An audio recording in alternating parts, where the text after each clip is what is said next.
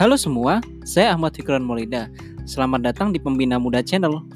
Channel yang berisikan konten tentang cerita, pengalaman, pembahasan topik tertentu, dan konten lainnya yang terkait dengan pembelajaran pengembangan diri.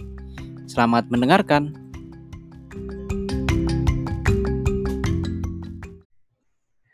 Sena Vendra. Betul itu nama lu, bro? Betul, betul, betul, betul. Mantap. Berarti gue nggak salah sebut nama berarti ya.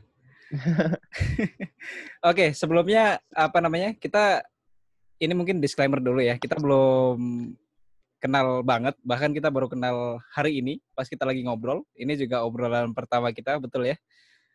Betul, sangat amat asing. asing jadi, sekali.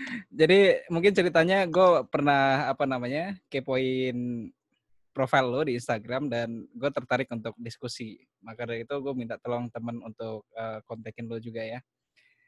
Nah. Oh oke okay, oke okay, oke okay. siap. Tapi mungkin sebelum itu kita kenalan dulu kali ya. Uh, lo itu asalnya dari mana dan uh, sekarang kesibukannya apa gini? Oke, okay, uh, ini kalau di sini teman-temannya ada panggilannya nggak? Sahabat apa? Gitu? Nggak ada, nggak ada, ya? bebas, bebas. Oh, bebas ya. ya, uh -uh. Ya, jadi uh, kenalin nama gue Afisana Vendra. Biasanya orang-orang manggil gue Sena. Oke. Okay. Jadi uh, gue sekarang tinggal di Cibubur. Oke. Okay. Uh, umur 23 tahun. Oh, mantap. umur 23 tahun. Uh, uh, kesibukan lagi mencoba bertahan hidup di semi-semi kiamat nih ya. lagi pandemi gini ya. Iya iya, okay. uh, lagi ngumpulin stok-stok biar gudang-gudang gudang-gudang dapur uh, dapur bisa penuh sampai nggak tahu kapan. Oke, okay, siap. Nah, uh, yang menariknya adalah uh, begitu gua coba riset ya. Kita kita kita ubah bahasa kepoin itu jadi bahasa riset biar sedikit ilmiah gitu ya tentang oh, tentang profil lo profil lo itu lo itu hobi nulis ya bro ya nah ini yang orang eh, kelihatannya jadi kayak hobi nulis padahal sama sekali bukan hobi Oh gitu. Eh, sorry sorry nah. sebelum sebelum dijawab. Ini ini disclaimer ya. Jadi kalau di podcast gue itu kagak ada skrip, kagak ada pertanyaan, kita ngalir aja dah pokoknya ya. Iya iya iya iya iya. iya.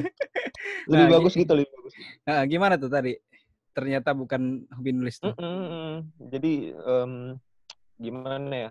Karena uh, Instagram itu kan jadi bahan perkenalan uh, brand gue ya. Jadi diri gue dan apa yang gue lakukan selama hidup ya gue rebrand apa presentasikan di Instagram gitu. Mm -hmm. Nah karena yang gue buat uh, produknya itu buku, jadi mungkin orang ngira kalau gue hobi nulis sebenarnya uh, gue nulis buku tuh karena kebutuhan aja sih. Kebutuhan akan apa ya uh, eh, gue bingung ya media untuk nuangin aspirasi uh, apa yang gue pikirin itu di mana gitu. Uh, jadi waktu itu medianya pertama banget gue ketemu ya laptop ya gue ketik di laptop gitu. Hmm. karena gue dulu nggak tahu uh, YouTube nggak tahu apalagi apalagi podcast gitu kan gue nggak tahu banget. Jadi dulu yang gue tahu ya gue ngetik aja gitu di di komputer. Kan buku pertama gue pas gue umur 15 ya pas umur eh 16 tahun gitu. Wis. Itu nggak nggak ada apa di situ nggak ada media apa apa buat bisa gue tuangin aspirasi gue buku tentang apa itu? Umur 15 tahun cuy buku buku umur 15 tahun. Jadi uh, judulnya OTW Success ya. Jadi bisa bisa kita tekankan itu OTW ya, bukan sukses. 15 tahun lu udah nulis OTW sukses gitu. Iya. itu sukses ya. definisi sukses seperti apa dari anak 15 tahun itu? Uh, jadi um, uh, gue punya cerita mungkin kalau gue ceritain di sini agak panjang ya nggak apa-apa uh, feel free feel intinya free. ya intinya uh, gue punya kegiatan yang mungkin uh, anak muda tuh dikit yang ngelakuin kegiatan ini jadi dulu gue sejak SMP itu uh, suka jualan suka dagang hmm. bukan karena bukan karena kecekek ekonomi ya Hmm. Kayak oh, ini kita miskin, kamu anak pertama coba kamu jualan gitu nggak gitu.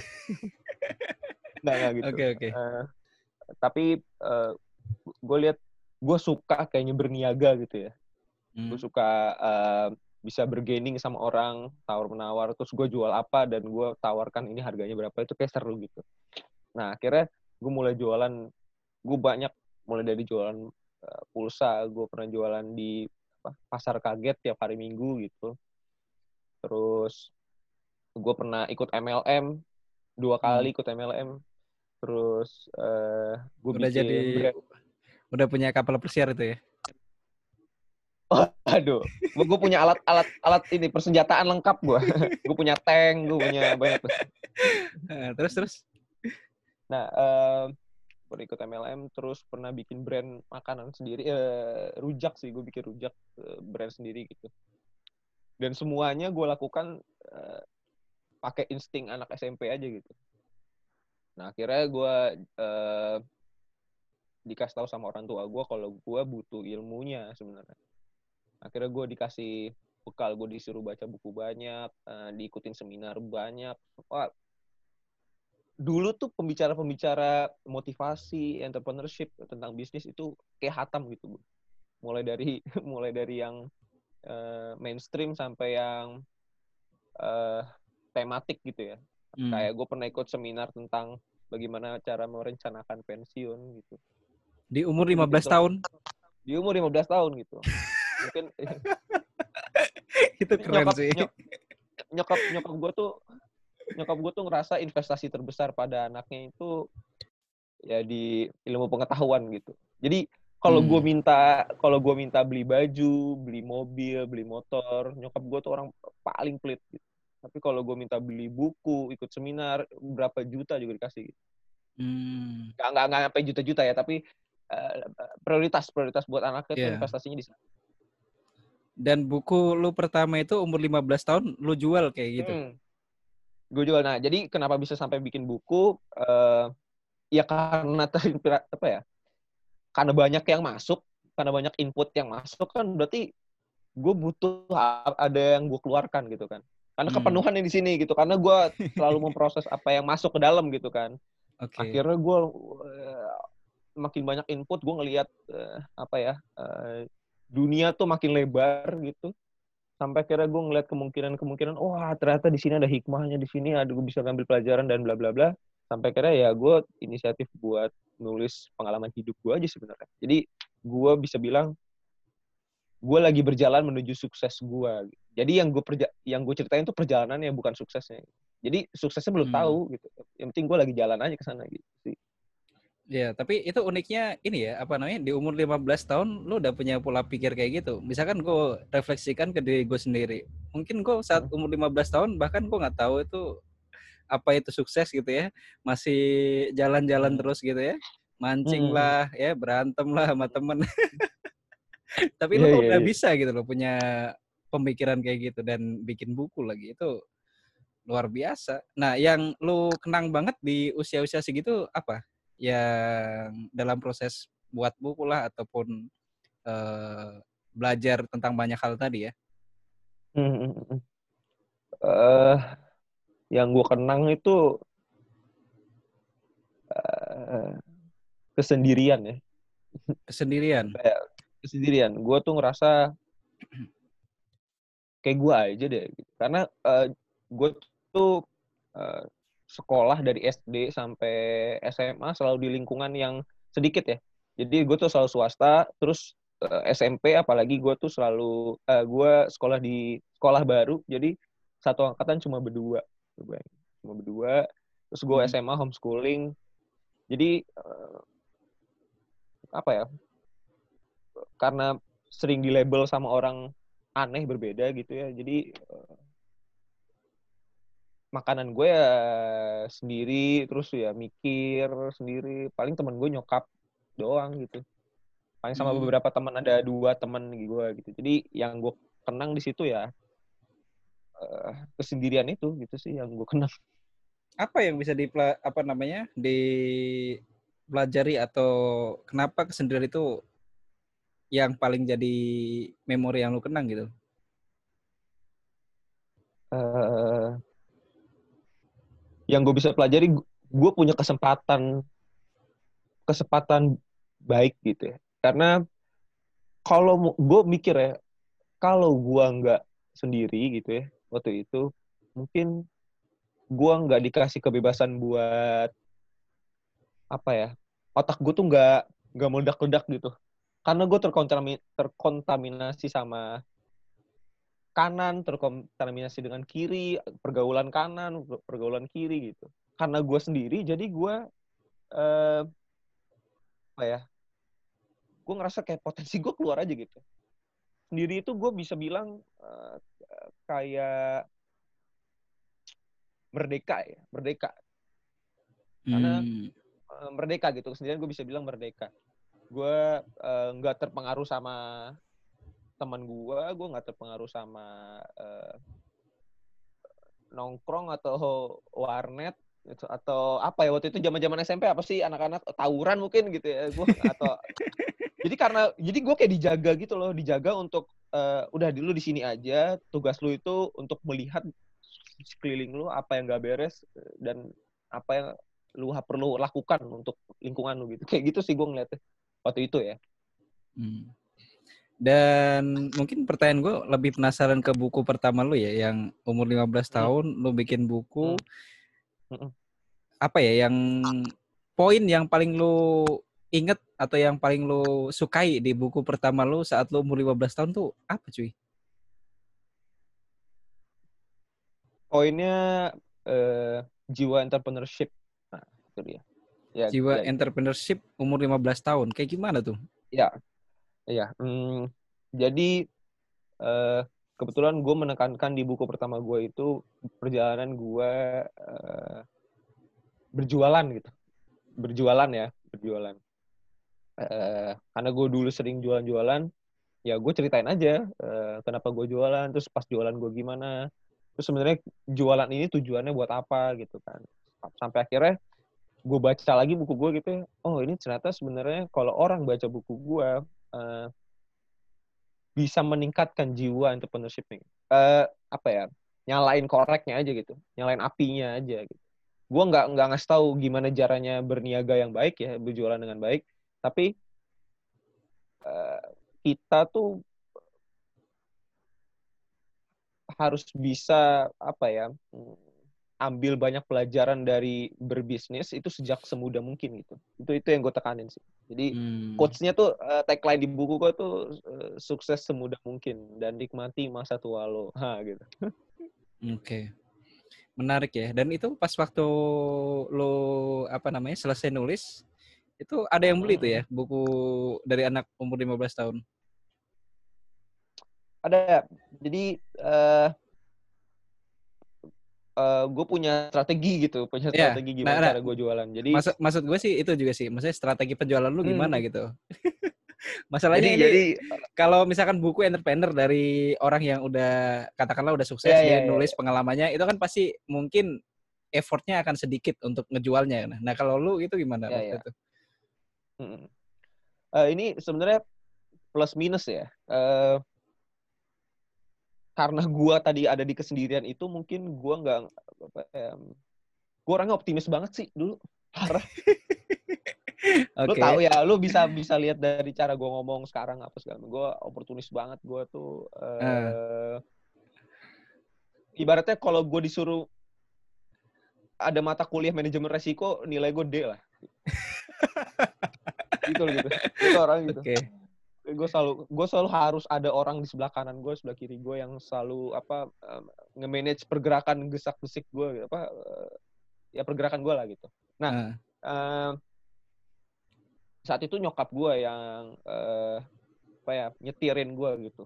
Hmm. nyokap gue yang arahin gue gimana sih uh, cara jualan buku ini gitu jadi nyokap gue itu um, suka uh, kerja di lembaga training juga kebetulan Hmm. Jadi beliau uh, suka seminar-seminar di sekolah-sekolah. Nah, uh, gue suka diajak ke sana. Nah, kadang-kadang uh, beliau tuh suka kasih gue kesempatan setengah jam terakhir untuk uh, mempresentasikan buku gue gitu. Hmm. Nah, dari situ sekolah-sekolah tuh mulai ngeliat uh, dan mulai ngundang gue jadi saya mau dong uh, ngundang senanya aja gitu untuk uh, mungkin satu jam atau dua jam aja buat bahas bukunya lebih detail gitu kan mungkin uh, guru ngelihat ada apa ya uh, ada engagement kali ya karena gue hmm. muda audiensnya juga muda ya jadi kita punya engagement aja gitu nggak kayak hmm. sama guru yang ketinggian gitu atau apa ya udah yeah. gue akhirnya di banyak kesempatan gue bisa seminar di sekolah-sekolah dan di situ gue jualan buku gue oke okay. nah itu menarik ya berarti lo uh, apa namanya nyokap jadi nggak laku yang laku sekarang lo gitu ya waktu itu ya ya dua-duanya laku sih oke okay. nyokap ya kan dulu yeah. depan kan bercanda bercanda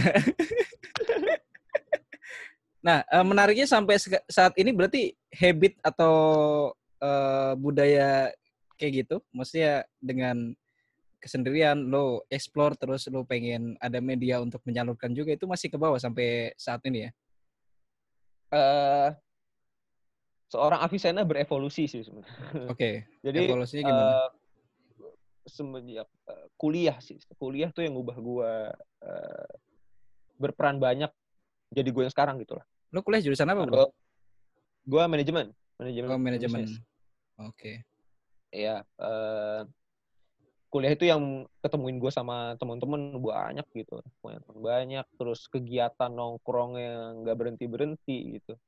Uh, gue jadi sena yang rame lah, nggak nggak sendiri lagi gitu. Oke. Okay. Rame gitu. Ya itu Menarik sih yang uh, yang bikin gue jadi sekarang ya keramaian itu jadi terbalik gitu ya. Berarti kalau gue coba apa namanya relate dengan statement lu sebelumnya dengan sendiri lu hmm. punya banyak waktu, lu merdeka, sekarang lu hmm. punya banyak teman, hmm. itu jadi sebaliknya atau gimana? Ya, sebaliknya. Jadi uh, cara gue mengeksplor uh, gimana ya? Uh, mungkin metode gue apa? Gimana ya ngomongnya? Uh, dulu gue bisa dulu gue lihat apa ya dulu gue ngeliat dunia luar tuh dari dalam rumah lewat jendela gitu ya. Kalau sekarang hmm. gue bener-bener terjun ke sana gitu keluar rumah gitu. Gitu kayak kayak gitulah. Gue bener-bener keluar rumah berinteraksi sama orang uh, ya gue kayak orang anak anak yang kaget aja gitu. Uh, oh ternyata gila anak muda sekarang kayak gini banget gitu. Terus uh, oh cara bergaul tuh gini apa segala macam uh, uh, interaksi antara uh, cewek dan cowok tuh kayak gini uh, terus kalau mau punya apa ya punya peer group tuh gimana gimana biar bisa eksis di peer group itu gitu gitu gue gue uh, cara pendekatan gue jadi berbeda gitu. Tapi uh, misi gue tetap sama yaitu ya gue harus cari apa ya cari kontribusi sih. Hmm. apa yang apa yang bisa gue apa ya, dapat dari pendekatan seperti ini dan gue bisa berkontribusi apa di lingkungan gue yang seperti ini gitu. Nah, menurut lo lebih bagusan mana? Maksudnya lebih efektifan mana dalam konteks untuk berkarya tadi ya, dengan kesendirian hmm, lo kah atau justru keramaian lingkungan lo itu? Sebenarnya uh, kalau menurut gue yang bagus sih digabung ya. Oke. Okay. Uh, dan dan digabung itu tuh ya digabung digabung. Jadi ada kalanya uh, lu ya sebenarnya itu lu apa ya? Semua orang ngelakuin itu sih. Semua orang pasti ada waktunya sendiri hmm. untuk benar-benar uh, punya waktu alfa gitu ya. Ya di mana dia sendiri terus uh, pikirin semua aspek dalam hidupnya gitu ya. Mungkin hmm. pas lagi di kamar atau apa. Tapi ada saat di mana dia bersosialisasi gitu tapi saat dia bersosialisasi nggak nggak luput gitu nggak nggak lepas sama misinya dia sebenarnya gitu sih yang yang gue sebenarnya harus tekankan. Karena orang kadang bersosialisasi malah jadi keikut gitu ke bawah. Nggak nggak apa ya nggak nggak balik ke peran dia sebagai manusia yang harus punya kontribu kontribusi gitu. Gitu sih yang gue lihat. Oke. Okay. berarti di pas umur 15 tahun ini mungkin tolong koreksi ya maksudnya. Ya. Lo nah. mungkin jadi anak yang introvert banget begitu lo kuliah lo seperti bebas gitu ya, jadi tiba-tiba ekstrovert gitu. atau gimana? Hmm, aslinya aslinya gue extrovert As- aslinya aslinya setelah gue belajar apa itu introvert extrovert gue mikir Oke. oh gue extrovert gitu ya Oke. Mung- ah, mungkin dulu eh, apa ya eh, dulu tuh kayak kayak apa ya kayak kayak orang tumbuh aja dulu gue bisa makan dulu gue makan nasi padang nggak habis sekarang makan nasi padang habis gitu ya jadi porsi ekstrovert gue tuh ngelebar meluas Oke. dulu kan orang ekstrovert itu orang yang saat dia berada di keramaian energinya malah masuk gitu dia Iya. dapat energi dari dari Dari dari, luar. keramaian itu Mm-mm. dari luar gitu kan nah gue gue dapat energi sih sebenarnya tapi energi yang gue dapat tuh ya dari orang tua gue dari temen deket gue aja yang yang kerjaannya cuma main basket jam 5 jam 5 sore gitu ya itu udah cukup gitu nah Hmm. saat gue gede eh, tabung energinya tuh makin gede gara-gara gue bisa dapat banyak energi di mana-mana gitu Oke. jadi Berarti- gue sebenarnya Hmm. Dari awal udah ekstrovert gitu tapi sebenarnya eh, tabungnya aja yang membesar gitu Oke. Berarti dulu masih tumbuh lah ya. Begitu udah kuliah, masih tumbuh udah berkembang gitu ya. Ke dan akan terus tumbuh itu. Mantap. Hmm. nah, kalau misalkan ngomongin buku lagi nih, Bro. Gue Mm. ada lihat lu tuh ada nulis ya, nulis lagi tentang eh, apa namanya? sadar berkisah ya. ya ya ya Itu tentang apa, Bro? Jujur gue sama sekali belum riset tentang hal itu karena gue pengen ngobrol langsung aja gitu. Itu tentang apa Oke. sebenarnya?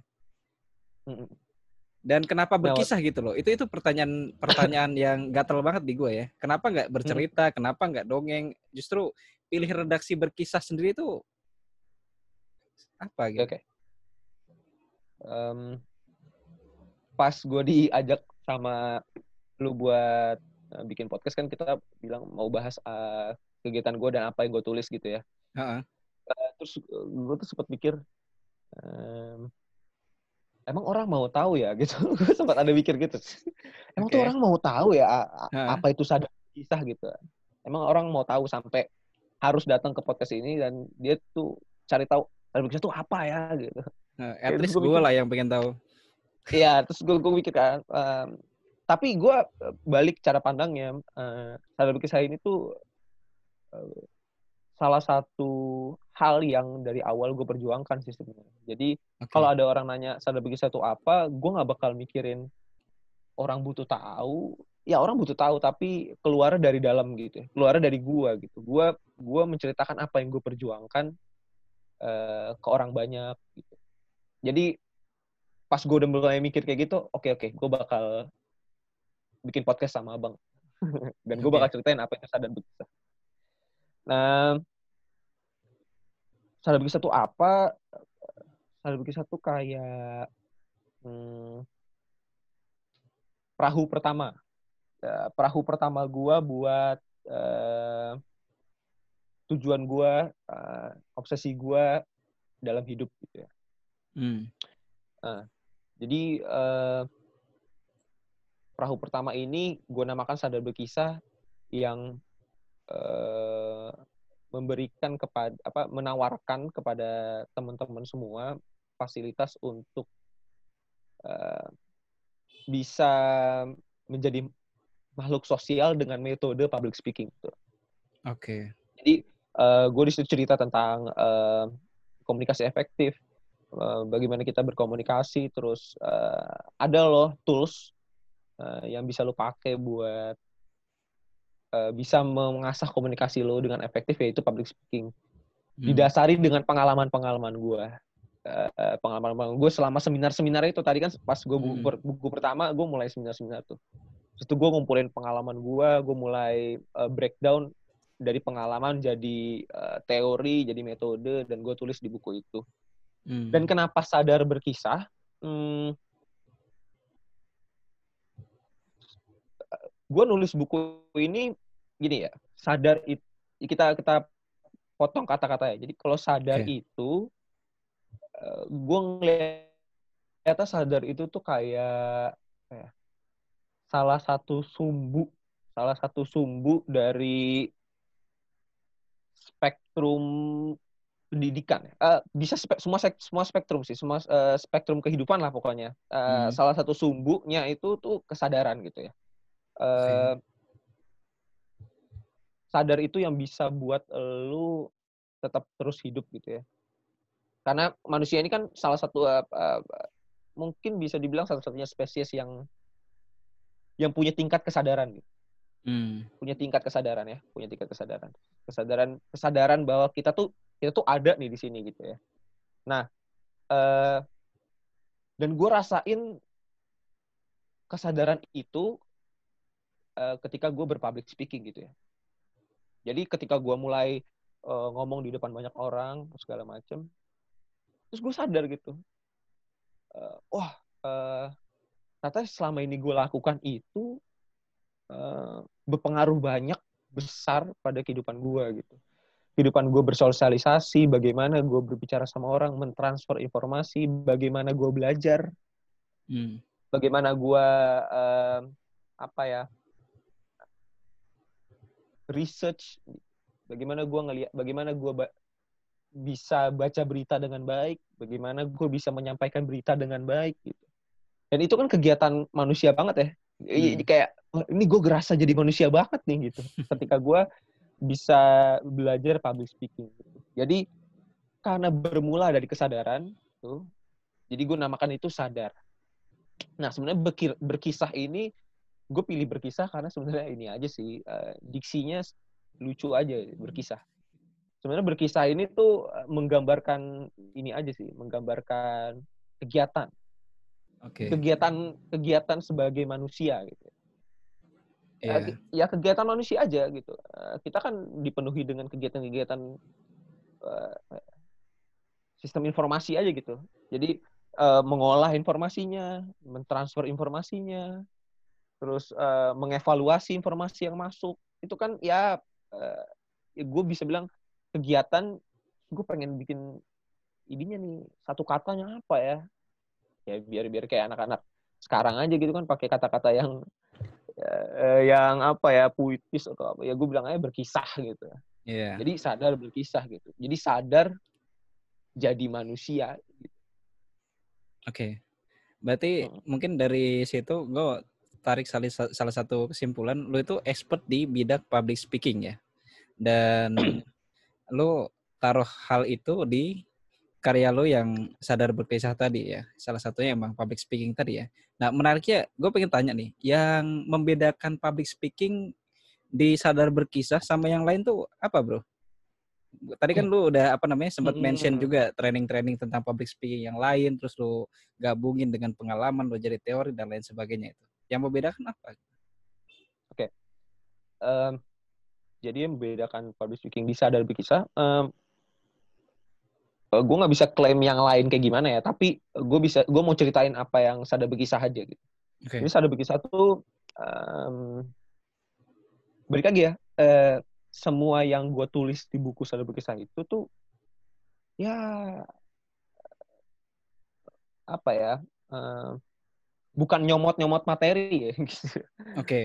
Jadi kayak gue oh gue nemu materi teori di sini gue comot gue masukin buku nggak tapi uh, emang lewat proses berpikir gitu iya ditangkap orang mau, kalau kayak gitu bro iya gue gue mau um, apa ya kalau bisa konsisten sama originalitasnya gitu hmm. nah um, bedanya saya public speaking di sini mungkin orang kalau lihat public speaking itu uh, kalau lihat ada buku atau training how to be a public speaker gitu ya. Gua, uh, orang mungkin ngelihat public speakingnya tuh sebagai output. Oke. Okay. Jadi outputnya kalau gue baca buku ini atau ikut training ini atau ikut pelatihan ini, gue bisa jadi public speaker. Oke. Okay? Oke. Okay. Hmm. Uh, mungkin di luar sana orang ngelihatnya public speaking itu kayak gitu. Nah, hmm. Nah tapi uh, di sadar berkisah, public speaking itu bukan output. Uh, public speaking itu method, metode. Hmm. Publish itu metode untuk output yang berbeda gitu. Outputnya bukan lu bisa publishing enggak. Outputnya itu adalah uh, memanusiakan manusia gitu. Itu sih. Jadi outputnya lebih ke uh, value pendidikan, value uh, bagaimana kita jadi rakyat yang terdidik, jadi rakyat yang uh, rasional gitu. Itu tuh outputnya gitu. Dan bagaimana jadi jadi kayak gitu gitu kan? Uh, pakai metode public speaking gitu. Itu sih hmm. sebenarnya. Jadi uh, apa yang gue lakukan di sini dan sekolah-sekolah, universitas lainnya lakukan itu sebenarnya outputnya nggak jauh-jauh beda, mirip-mirip karena output apa ya, tujuan dari pendidikan adalah bla bla bla bla gitu kan. Nah, uh, tujuan gue ya tujuan saya berkisah adalah tujuan pendidikan gitu. Nggak nggak bukan bukan outputnya bukan bisa public speaking nggak gitu sih. Ya. Menariknya dengan statement lu tadi artinya emang cukup dengan buku doang, Bro. Misalkan uh, okay, pendengar okay. pendengar nanti ya sudahlah uh, misalkan beli ya. buku lu abis mereka dengar ini terus emang cukup untuk mengakomodasi hal tadi. Oke. Okay. Uh, balik ke ini ya, balik ke udah gue sempet tadi mention di awal kalau saya bagi saya ini perahu pertama gue. Oke. Okay. perahu uh. pertama gue, perahu yang kira-kira possible gue lakukan sekarang dulu gitu. Hmm. Jadi sebenarnya uh, gue punya big dream gitu ya, gue punya kayak obsesi besar ke depan gitu.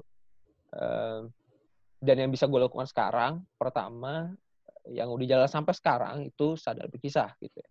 Oke. Okay. Uh, sadar berkisah itu segmennya, uh, segmennya sekarang tuh masih SMA. Oh, uh, SMA. Segmennya masih SMA gitu. Hmm. Ya, uh, masih SMA gitu kan. Uh, kita masih ke SMA SMA. Uh, kalau dibilang cukup cukup nggak sih cuma kisah atau enggak? Sebenarnya enggak gitu. Dan uh, untuk ke depannya gue sebenarnya punya beberapa apa ya blueprint blueprint yang masih gue harus rancang terus program-program apa untuk menuju ke obsesi gue yang besar itu ya itu adalah ya itu tadi uh, apa ya uh, pendidikan yang menyeluruh buat rakyat Indonesia lah ya kayak gitulah bisa dibilang gitu kan. Uh, hmm. gue mau uh, berkontribusi pada tujuan pendidikan uh, untuk Indonesia gitu kan. Dan uh, salah satu yang gue lakukan itu sadar berkisah dan gue bakal bikin sadar berkisah buat SMP sadar berkisah buat SD gue bakal uh, gue di sadar berkisah nggak cuma training ya jadi nggak cuma buku jadi buku gue gua jadikan training dari training punya program follow up yaitu community di sana. Jadi mereka tetap terus uh, dapat kelas-kelas uh, di komunitas itu. Kemudian mereka bakal gue sambungkan uh, untuk bisa berkontribusi buat sosial. Jadi mereka uh, nanti yang ada di komunitas itu bisa ngajar, ngasih materi buat anak-anak jalanan, anak-anak yang mungkin bisa dibilang anak-anak yang belum apa ya susah untuk dapat kesempatan dapat materi kayak gini gitu. Yeah. Jadi semua berkesinambungan. Gue mau bikin kayak uh, ekosistem gitu. Ya. Ekosistemnya gitu. Ya bisa dibilang ekosistemnya lah gitu. Okay. Untuk tujuan besar gue ya pendidikan yang menyeluruh itu tadi. Oke, okay. menariknya berarti tadi sadar berkisah ini nggak cuma buku dan ada tradingnya tadi ya? Iya iya. Dan bah bahkan sampai ada komunitasnya juga gitu ya?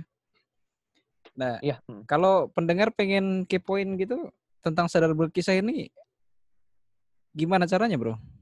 Apakah googling aja oh, sadar berkisah atau gimana? Itu, uh, sadar berkisah ada websitenya ya, ada di uh, www.sadarberkisah.com. Hmm. Uh, itu bisa di sana. Itu ibaratnya pengen tahu programnya apa sih sadar berkisah itu programnya apa.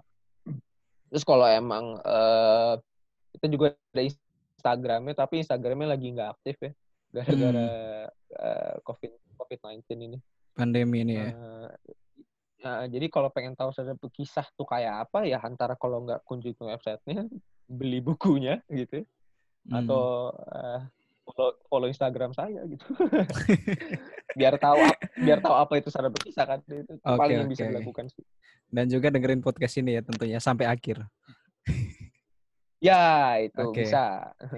Nah, artinya dari yang lu bilang tadi kan ada program ya, Bro ya. Program-program di Sadar Berkisah itu. Nah, gue nggak spesifik tentang salah satu atau dua program, tapi lebih ke general mungkin ya. Kesuksesan dari sadar berkisah itu seperti apa sih bro? Maksudnya dikatakan sukses uh, dari program ataupun tujuan sadar berkisah itu ketika apa? Kondisi situasi seperti apa gitu? Uh, um, gue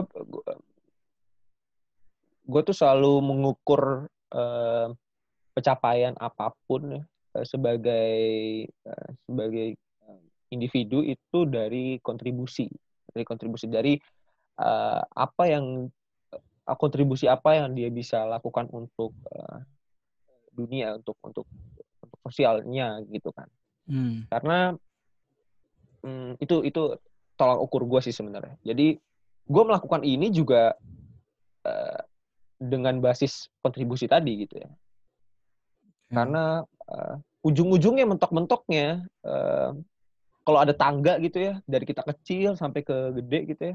Orang tuh dari mikirin diri sendiri sampai mikirin dunianya gitu. Itu, itu kan perjalanan hidup orang kan gitu ya. Dari mulai mikirin dari anak kecil yang egosentris banget gitu, terus anak-anak uh, muda yang pengen kelihatan apa ya menunjukkan jati diri apa segala sampai dia tuh gede dan oh, gue harus berkontribusi buat dunia misalnya gitu ya dan itu yang mau gue dorong uh, untuk anak-anak uh, di Indonesia gitu jadi faktor kesuksesan sadar berkisah adalah uh, seberapa besar kontribusi yang bisa dilakukan sadar berkisah untuk uh, dunia itu tadi gitu. jadi uh, seberapa banyak anak-anak yang ada di komunitasnya, seberapa banyak anak yang uh, bisa mengajar untuk komunitas-komunitas uh, menengah ke bawahnya gitu. Itu sih hmm. uh, faktor keberhasilan sadar berkisah. Oke. Okay. Secara singkatnya gitu. Berarti nextnya sadar berkisah atau lo dan tim di sadar berkisah ini pengen kontribusi di mana lagi gitu loh? Atau ber, pengen berkontribusi apa gitu nextnya? Nextnya ya. Hmm. Uh, yang udah yang udah ada kita lagi bikin ininya blueprintnya. Kita udah bikin uh, grand desainnya terus uh, lagi matengin lagi. Itu uh, kita mau bikin kayak uh, ekosistem belajar buat anak SD gitu ya. Jadi okay. uh, anak-anak SD yang kurang mendapat kesempatan untuk bisa sekolah gitu ya atau hmm. uh, anak-anak yang kurang mampu lah jadi hmm. uh, kita bisa kerjasama dengan yayasan-yayasan uh, sosial gitu kan untuk uh, ngeraih anak-anaknya jadi pokoknya gue bakal bikin kayak apa ya kurikulum belajarnya gitu untuk mereka gitu yang yang okay. yang ibaratnya yang sebenarnya sih gue orang pasti bilang emang lu emang lu apa sejago apa sih? Emang lu pinter banget di pendidikan gitu atau apa gitu kan? Hmm. saya enggak sih. Kalau mau belajar pendidikan teorinya tuh udah banyak banget gitu. Udah udah udah kita tuh udah bisa tahu cara mendidik yang baik itu bagaimana uh, goals goals apa yang harus uh, ditekankan gitu gitu kan. Cara itu tuh udah udah banyak gitu. Tapi di sini gue mau challenge diri gue aja gitu. Uh, bisa nggak sih gue jalanin apa yang udah gue pelajari gitu sih.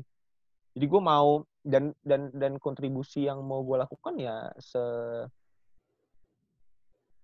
semenyeluruh mungkin gitu. Jadi kalau sekarang gue main di SMA atau SMP gitu ya, atau SD, tapi buat anak-anak yang mampu gitu, ya gue harus juga bisa ngelakuin itu untuk anak-anak yang nggak mampu. Gitu. Oke. Okay.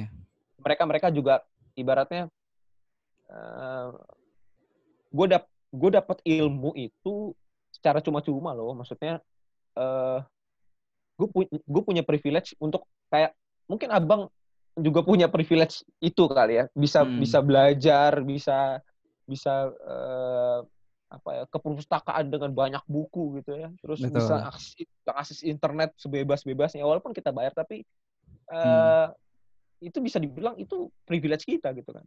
Nah, Betul. sedangkan anak-anak itu nggak nggak ya berarti ya ya masa mereka nggak dapat privilege itu mereka juga ya kalau gue bisa bilang mereka juga warga Indonesia ya gitulah. Hmm. ya yang gue sama gue juga warga Indonesia juga ini kontribusi gue di situ Oke. Nah, mungkin pertanyaan ini baru apa namanya tiba-tiba kepikiran tapi mungkin rada terkesan pertanyaan bodoh ya. tapi nggak apa-apa lah, gue tanyain aja. oke oke Lu happy nggak sih bro ngejalanin ini?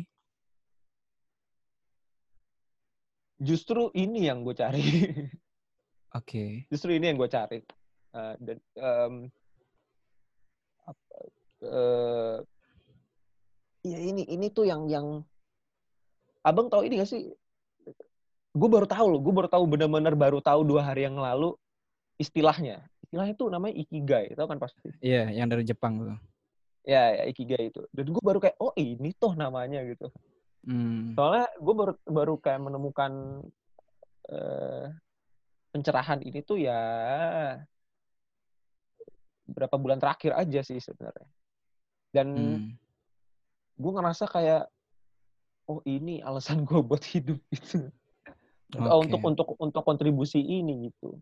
Dan eh apa ya dan itu yang pengen gue dorong untuk anak-anak di Indonesia gitu.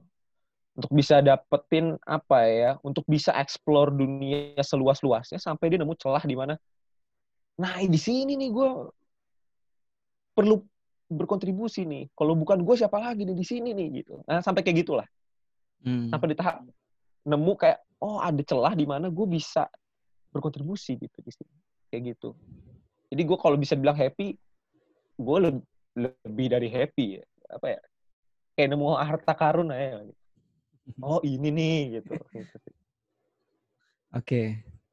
Nah, eh, berikutnya mungkin kalau nih misalkan ada satu hal terpenting ya yang dapat entah itu pendengar atau kita semua pelajari dari sadar berkisah lo ini atau dari lo sendiri malahan Hmm. yang paling penting untuk dapat kita pelajari bersama-sama. Hal itu apa, Bro? Hal yang penting untuk dipelajari di sadar berkisah Ya, kalau misalkan ada hal yang satu nih, sa- satu hal yang paling penting yang bisa kita semua pelajari dari sadar berkisah atau bahkan dari lu sendiri gitu, proses lu ber- eh, bangun sadar berkisah ini gitu. Hal itu kira-kira apa? kesadarannya saya gue bisa bilang gue bisa jawab kesadarannya Em, Kesadarannya. kesadarannya. Jadi sat- eh, gimana ya? Di buku gue itu bab, bab, bab awal itu tuh nyerita apa ya?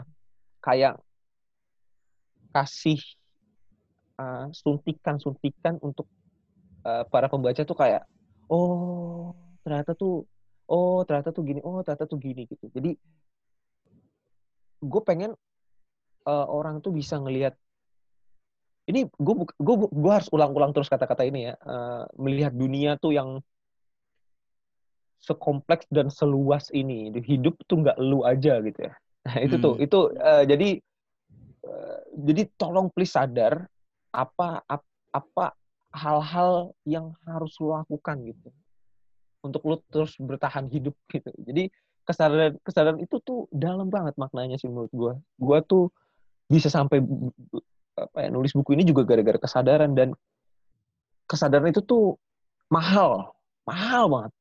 Gue Hmm. ngerasa kesadaran itu mahal banget. Eh jadi kalau ada satu hal yang mau gue kasih tau, apa ya yang bisa orang petik dan gue mau orang itu petik ya tamparan dari gue tuh tamparan woi gitu sadar woi gitu, gitu sih Oke. Menurut Sih. kenapa ada orang yang nggak sadar gitu?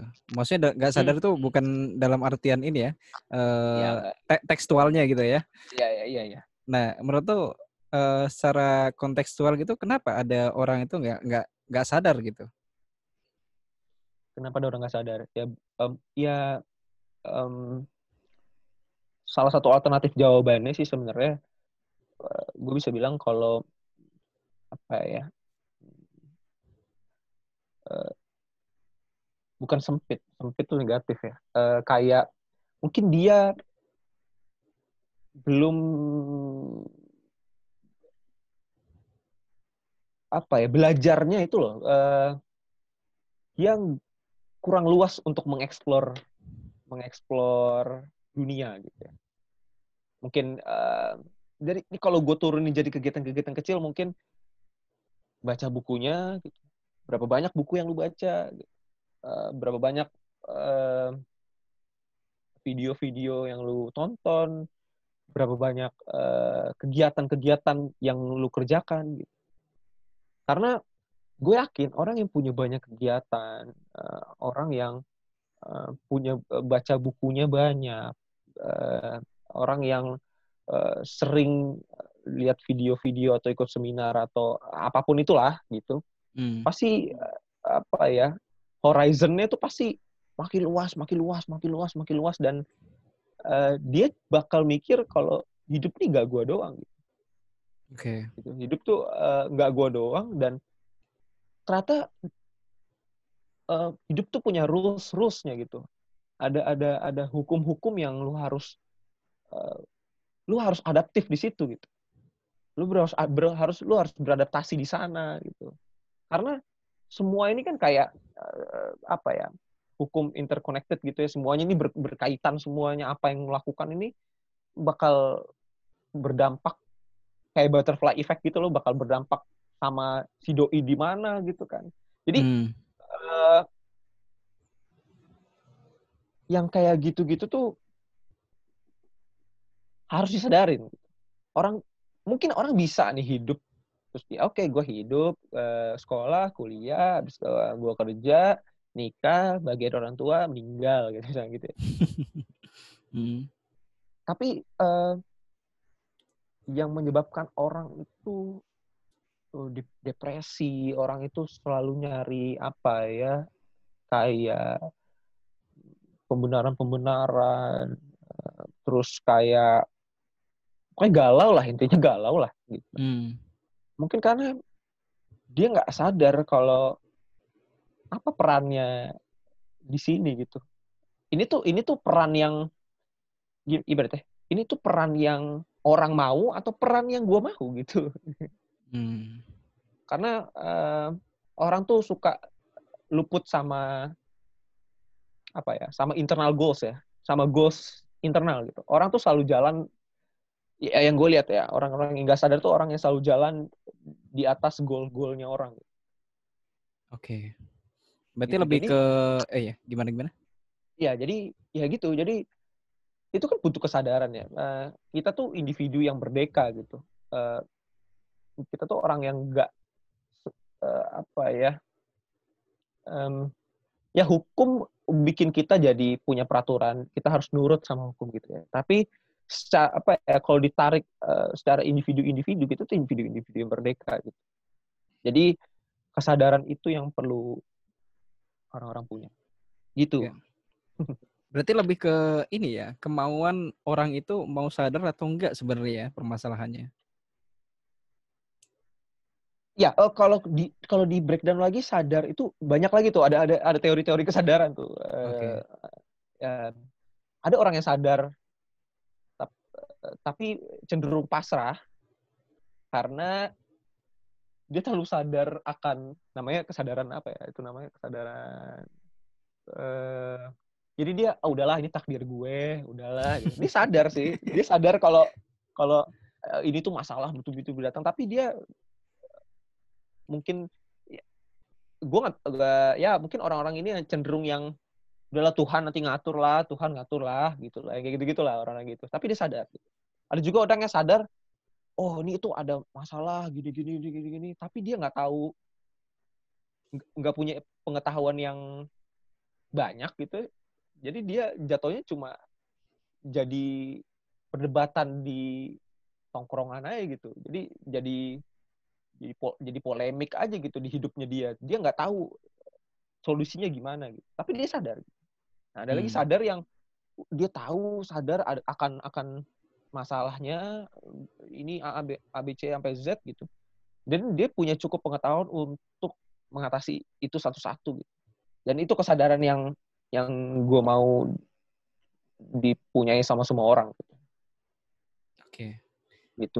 Berarti ketika kita udah punya kesadaran yang lo mention barusan, gimana hmm. cara untuk nge-maintain hal tersebut, bro? Artinya biar tetap uh, di situasi seperti sadar yang barusan lu sebutin gitu.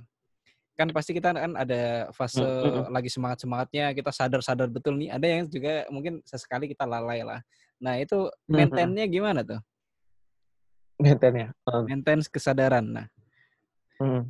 um, jadi kesadaran itu kan tadi um, satu sumbu yang or yang manusia apa ya uh, spesialnya kita itu kita tuh sadar gitu. Spesialnya hmm. spesies manusia ini loh gitu. Kita tuh sadar gitu kan. Dan uh, kegiatan yang memanusiakan manusia ya pendidikan gitu kan. Pendidikan itu kayak apa ya uh, lu mau jadi apa ya pakai pendidikan gitu apa pun apa pun uh, goals lu apa pun kontribusi lu nanti ke depan jadi orang lah pokoknya kalau kata orang lu mau jadi orang ya sekolah gitu lah ibaratnya. Lu lu orang lu harus terdidik gitu. Nah, jadi kalau menurut gua untuk memaintain kesadaran jadi gue bisa bilang gue bisa sebut maintain kesadaran itu adalah um, mengendalikan kemanusiaan kita gitu. jadi mengendalikan apa ya uh, terus terus sad, ter, uh, terus mengendalikan uh, salah satu gift-nya manusia yaitu adalah kesadaran dengan cara pendidikan. Oke. Okay. Jadi um, kalau pendidikannya baik, dipupuk dari kecil, dari dari lahir kalau bisa gitu ya, dari lahir dari bagaimana orang tua mendidik, masuk ke sekolah, bagaimana sekolah mendidik, masuk ke dunia kerja, bagaimana dunia kerja mendidik, kan itu kita kan terus belajar belajar terus kan karena ilmu tuh berkembang, nggak nggak statis gitu ya. Jadi hmm. bagaimana dunia ini mendidik gitu ya, bagaimana itu yang bakal memaintain kesadaran dia dan dia akan terus sadar sadar sampai dia tuh ya tadi uh, meninggal dengan tenang meninggal dengan tenang lah ibaratnya oh misi gue udah selesai di dunia dan saatnya gue mati gitu gitu oke okay. nah menariknya hmm. dari situ gue jadi penasaran nih ini mungkin jawabannya bisa ada bisa enggak ya Nah, kesadaran itu ada ini nggak sih bro? Apa namanya? Puncak dari kesadaran itu sendiri itu apa sih? Apakah statis gitu aja ya sadar terus atau sebenarnya ada puncaknya gitu? Uh, uh, karena mungkin tadi gue sempat jelasin ada tiga macam kesadaran. Itu sebenarnya uh, teorinya si ini, teorinya si kesadaran tuh teorinya Paulo Freire. Paulo Freire itu hmm. uh, dia eh, tokoh pendidikan di Brazil, ya yang hmm. yang sempat jadi menteri pendidikan sampai punya apa ya, universitas atas nama dia gitu. Jadi dia yang hmm. bilang kalau kesadaran itu punya punya tingkatan. Jadi kalau misalnya ditanya apakah ada puncaknya, ya pasti ada gitu. Kesadaran itu pasti ada puncaknya. Kesadaran di mana uh, kesadarannya itu menyeluruh gitu kesadaran yang komprehensif gitu itu yang gue bisa bilang uh, puncak dari kesadaran oke okay. gitu sih menarik mungkin lo ada closing statement gitu bro tentang sadar berkisah ataupun tentang apa pun itu pesan yang menurut lo pengen banget tuh sampaikan ke banyak orang monggo uh, closing statement gue ya. Gue sebenarnya pengen banget pandemi ini kelar. Iya, semua orang pengen ya. Semua orang pengen pandemi ini kelar. okay. Itu closing statement gue pertama. Gue pengen uh. banget nih semua Gue pengen banget semua kelar. Nah, um,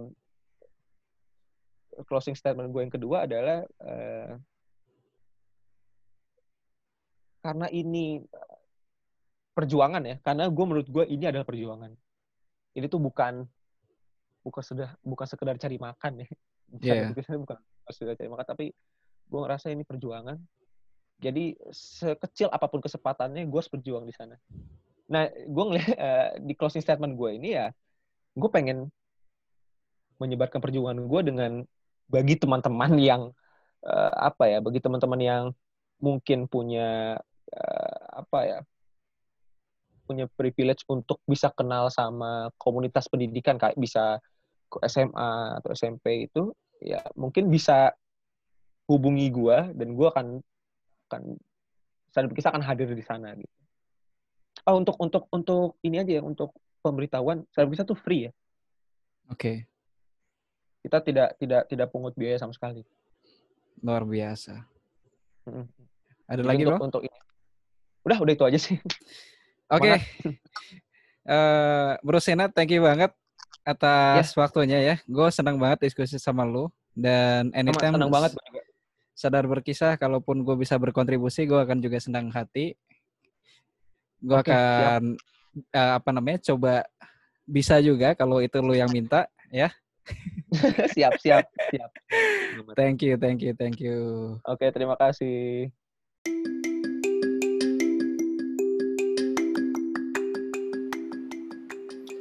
Terima kasih sudah mendengarkan Pemindah Muda Channel. Semoga kontennya bermanfaat dan sampai jumpa di episode selanjutnya. Bye bye.